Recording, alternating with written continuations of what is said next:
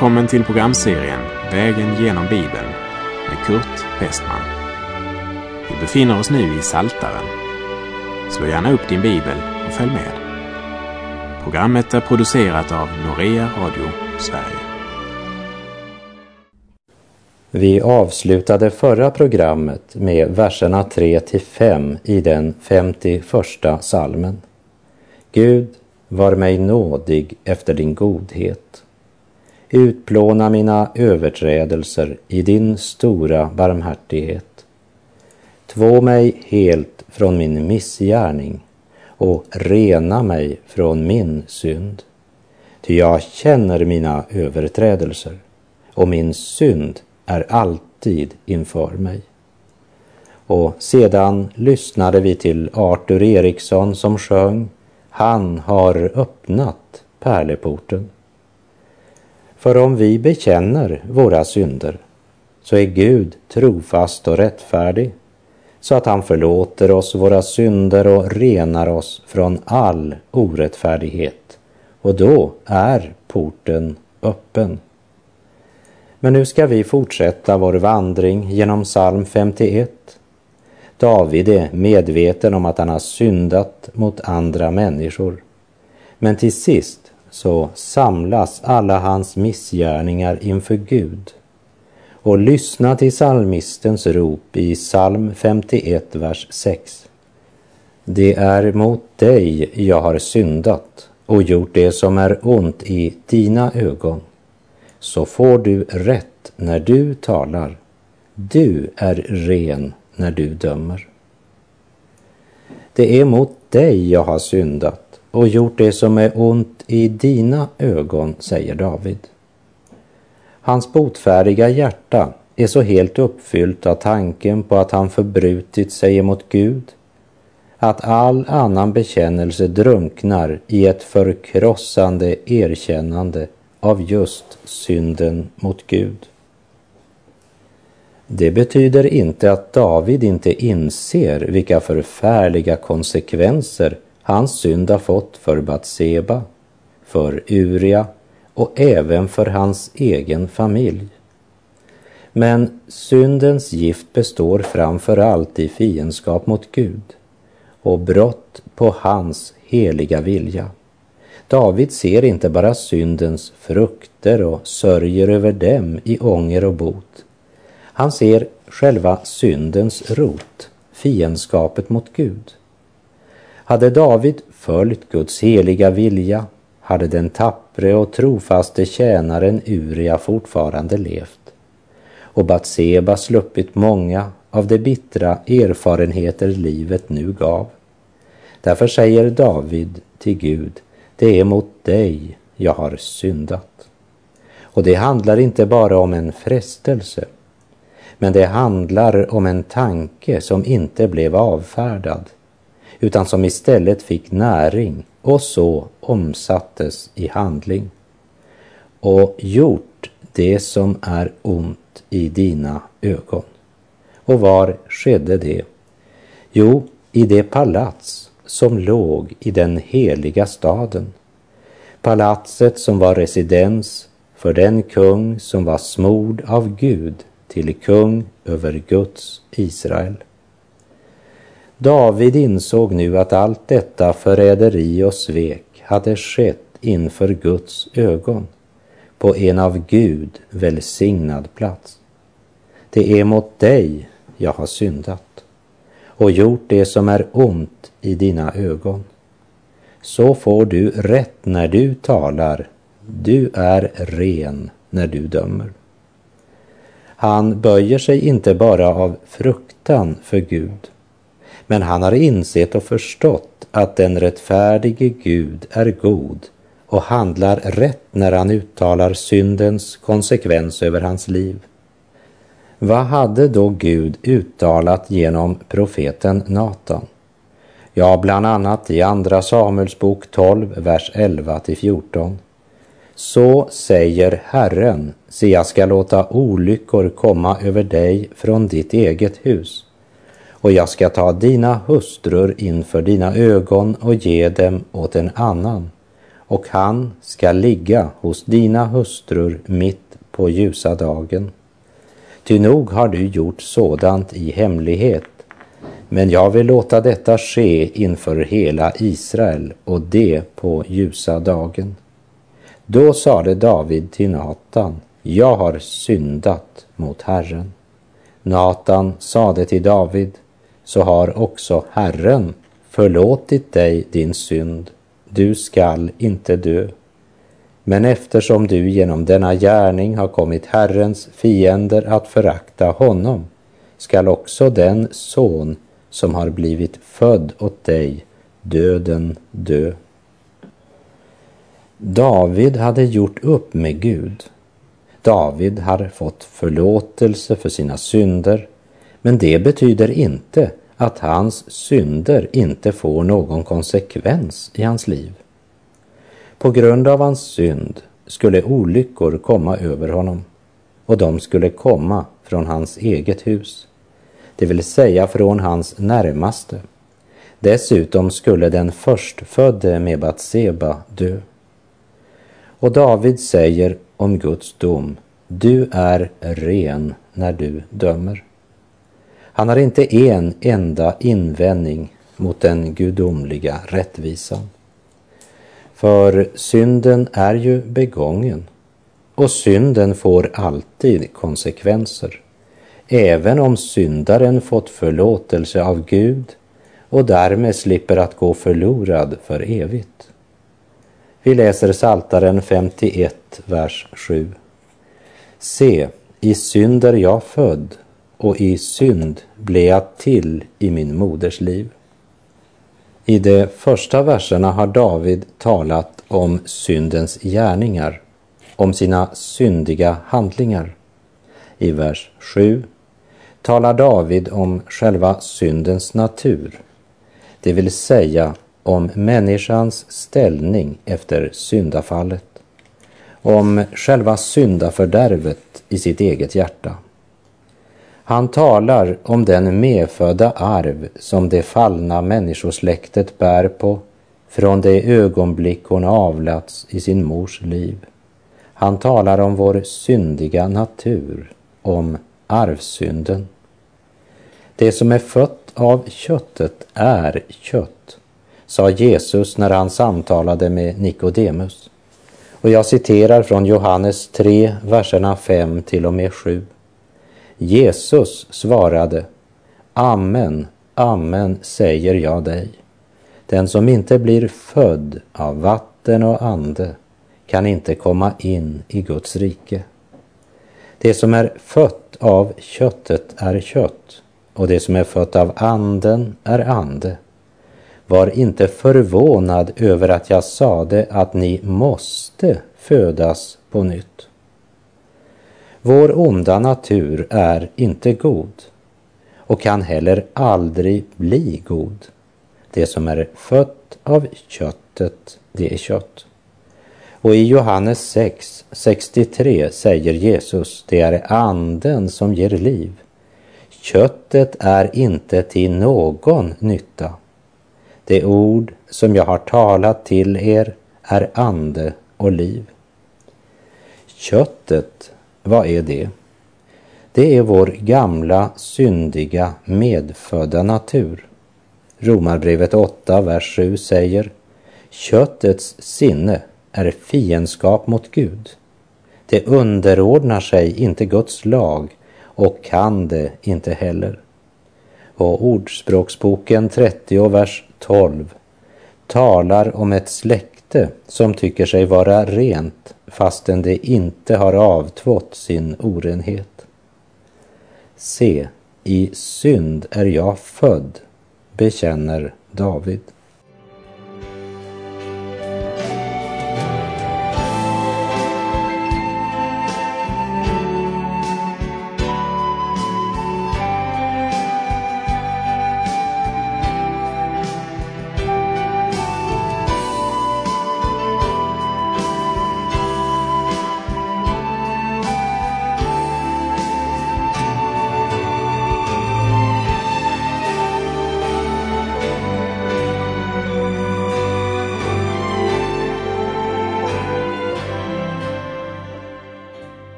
Läser ifrån Saltaren 51, vers 8. Du har ju behag till sanning i hjärtegrunden, så lär mig då vishet i mitt hjärtas djup. En av våra gamla trosfäder säger Djävulen kan gott tåla att Kristus är på vår tunga så länge som det är synden som regerar i vårt hjärta. Sanningen i hjärtegrunden är evangeliets lära om rättfärdiggörelsen genom tron. Och det är en hemlighet som måste uppenbaras för vårt hjärta.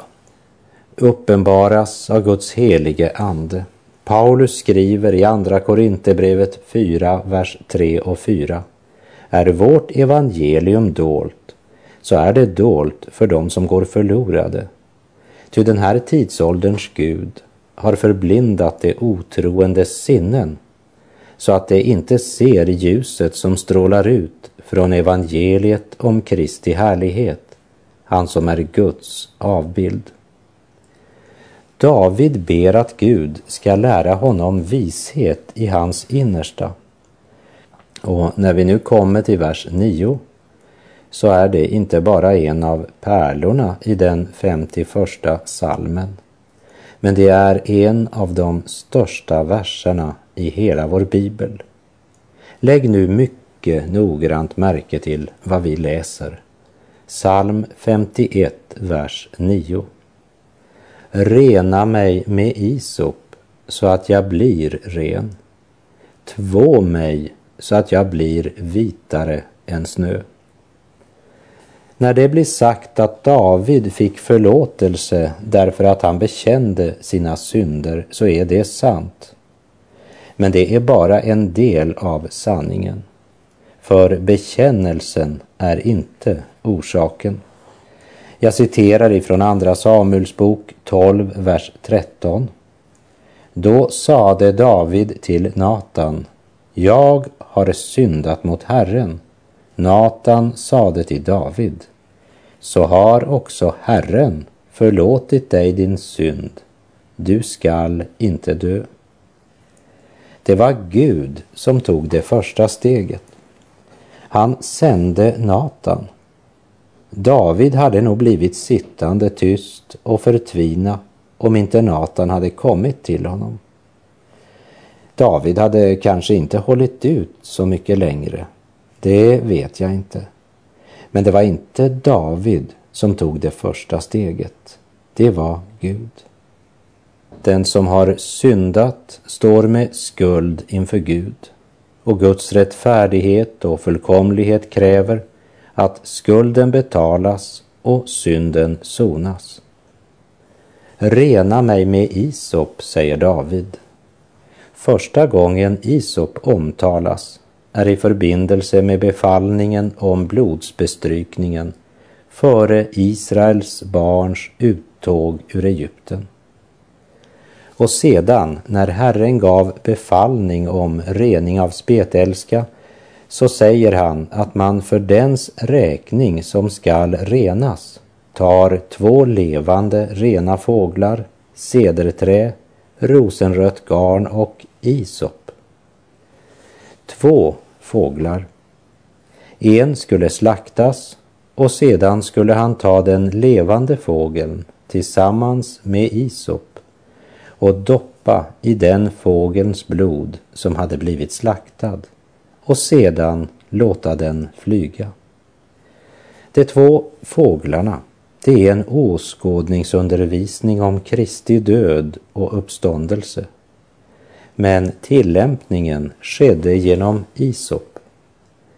Vi måste gå till korset för att finna tolkningen. På korset sa Guds son, min Gud, min Gud, varför har du övergivit mig? Varför sa Jesus det?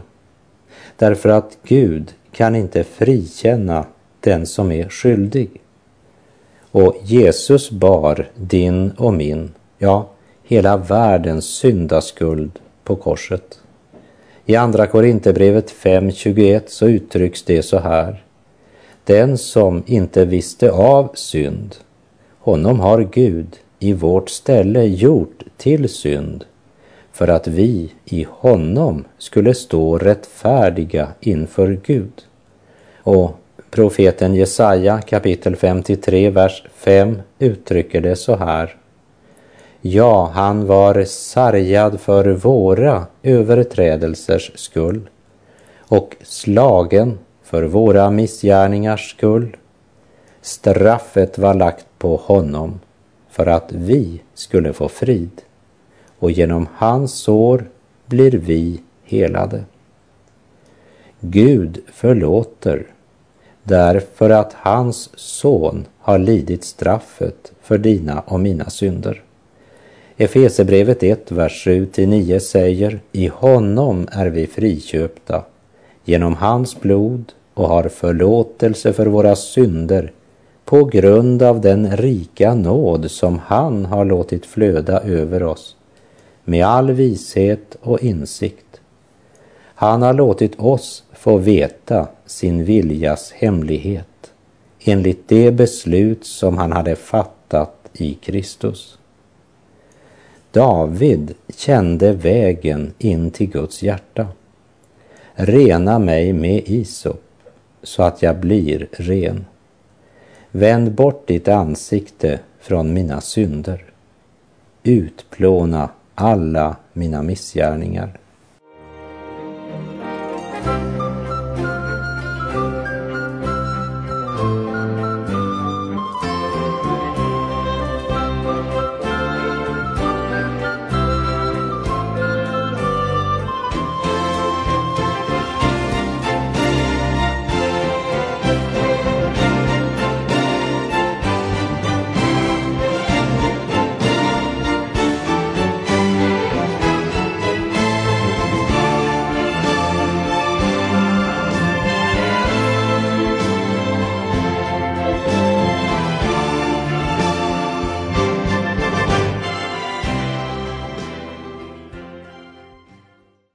Vi läser i psalm 51, vers 12.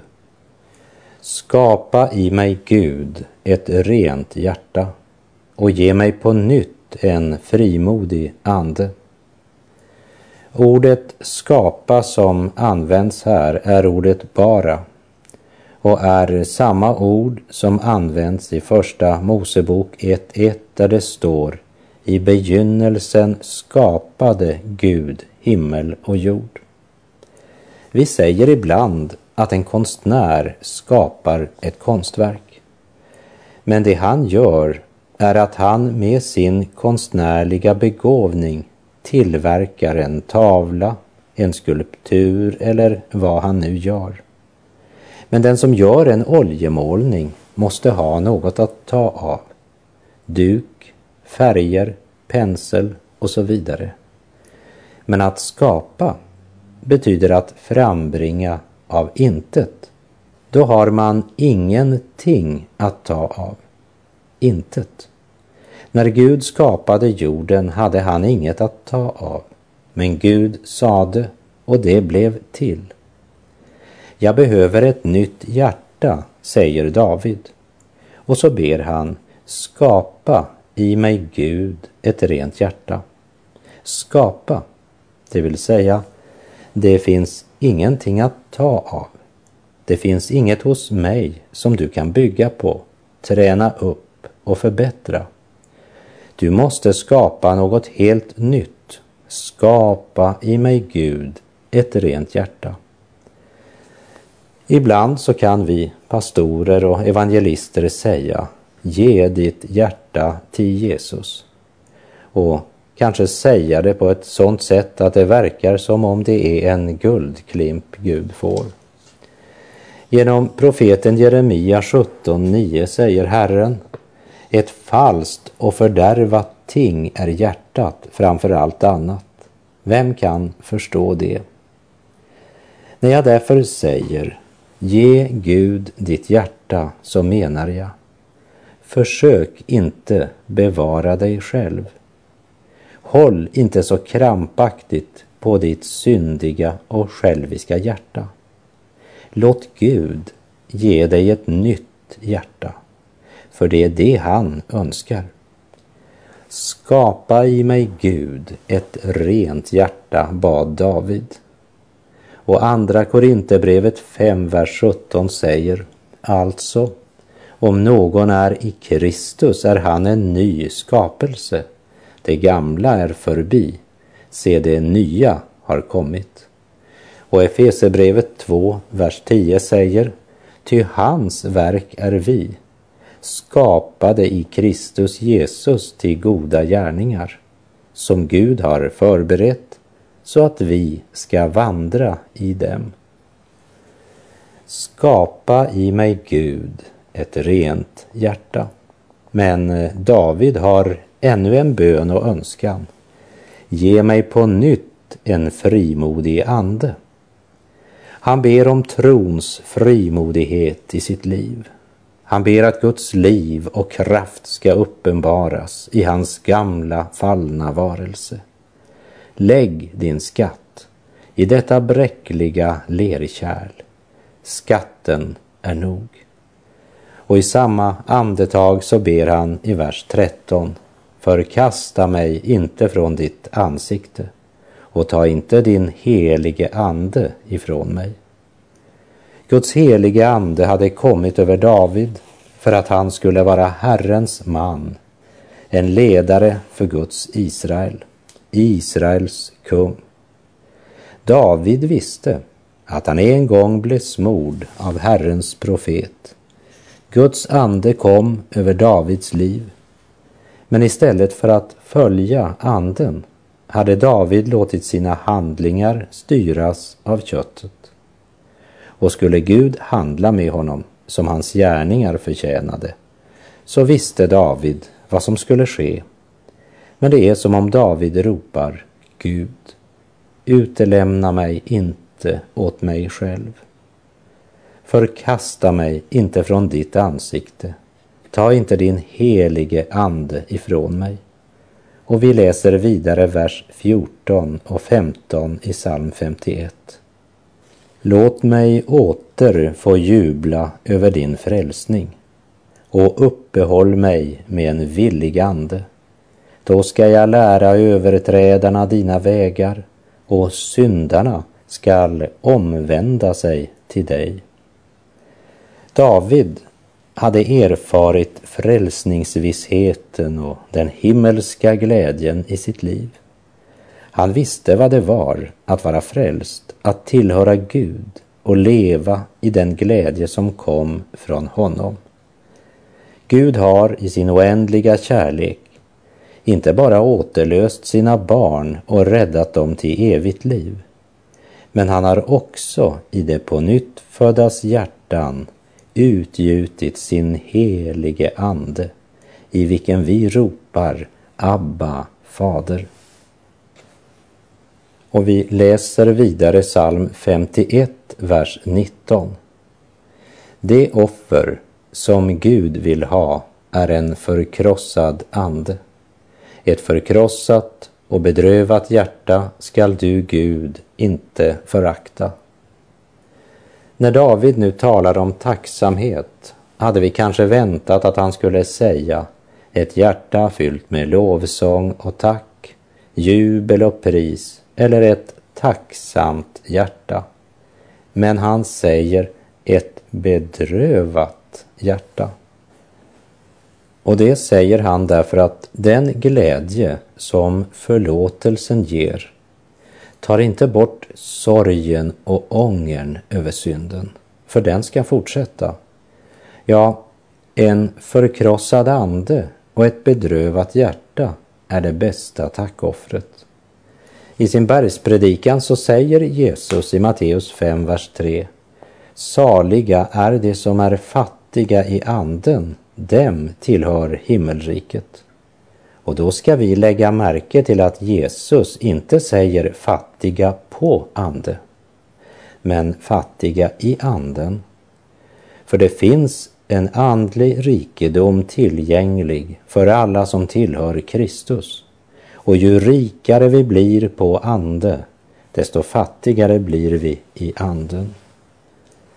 Det är bara Guds ord och den helige Ande som kan avslöja för dig din egen fattigdom i anden och göra dig salig. Ett förkrossat och bedrövat hjärta ska du, Gud, inte förakta. I Galaterbrevet 5 får vi veta att Andens frukt är kärlek, glädje och frid, tålamod, vänlighet och godhet, trofasthet, saktmod och självtukt.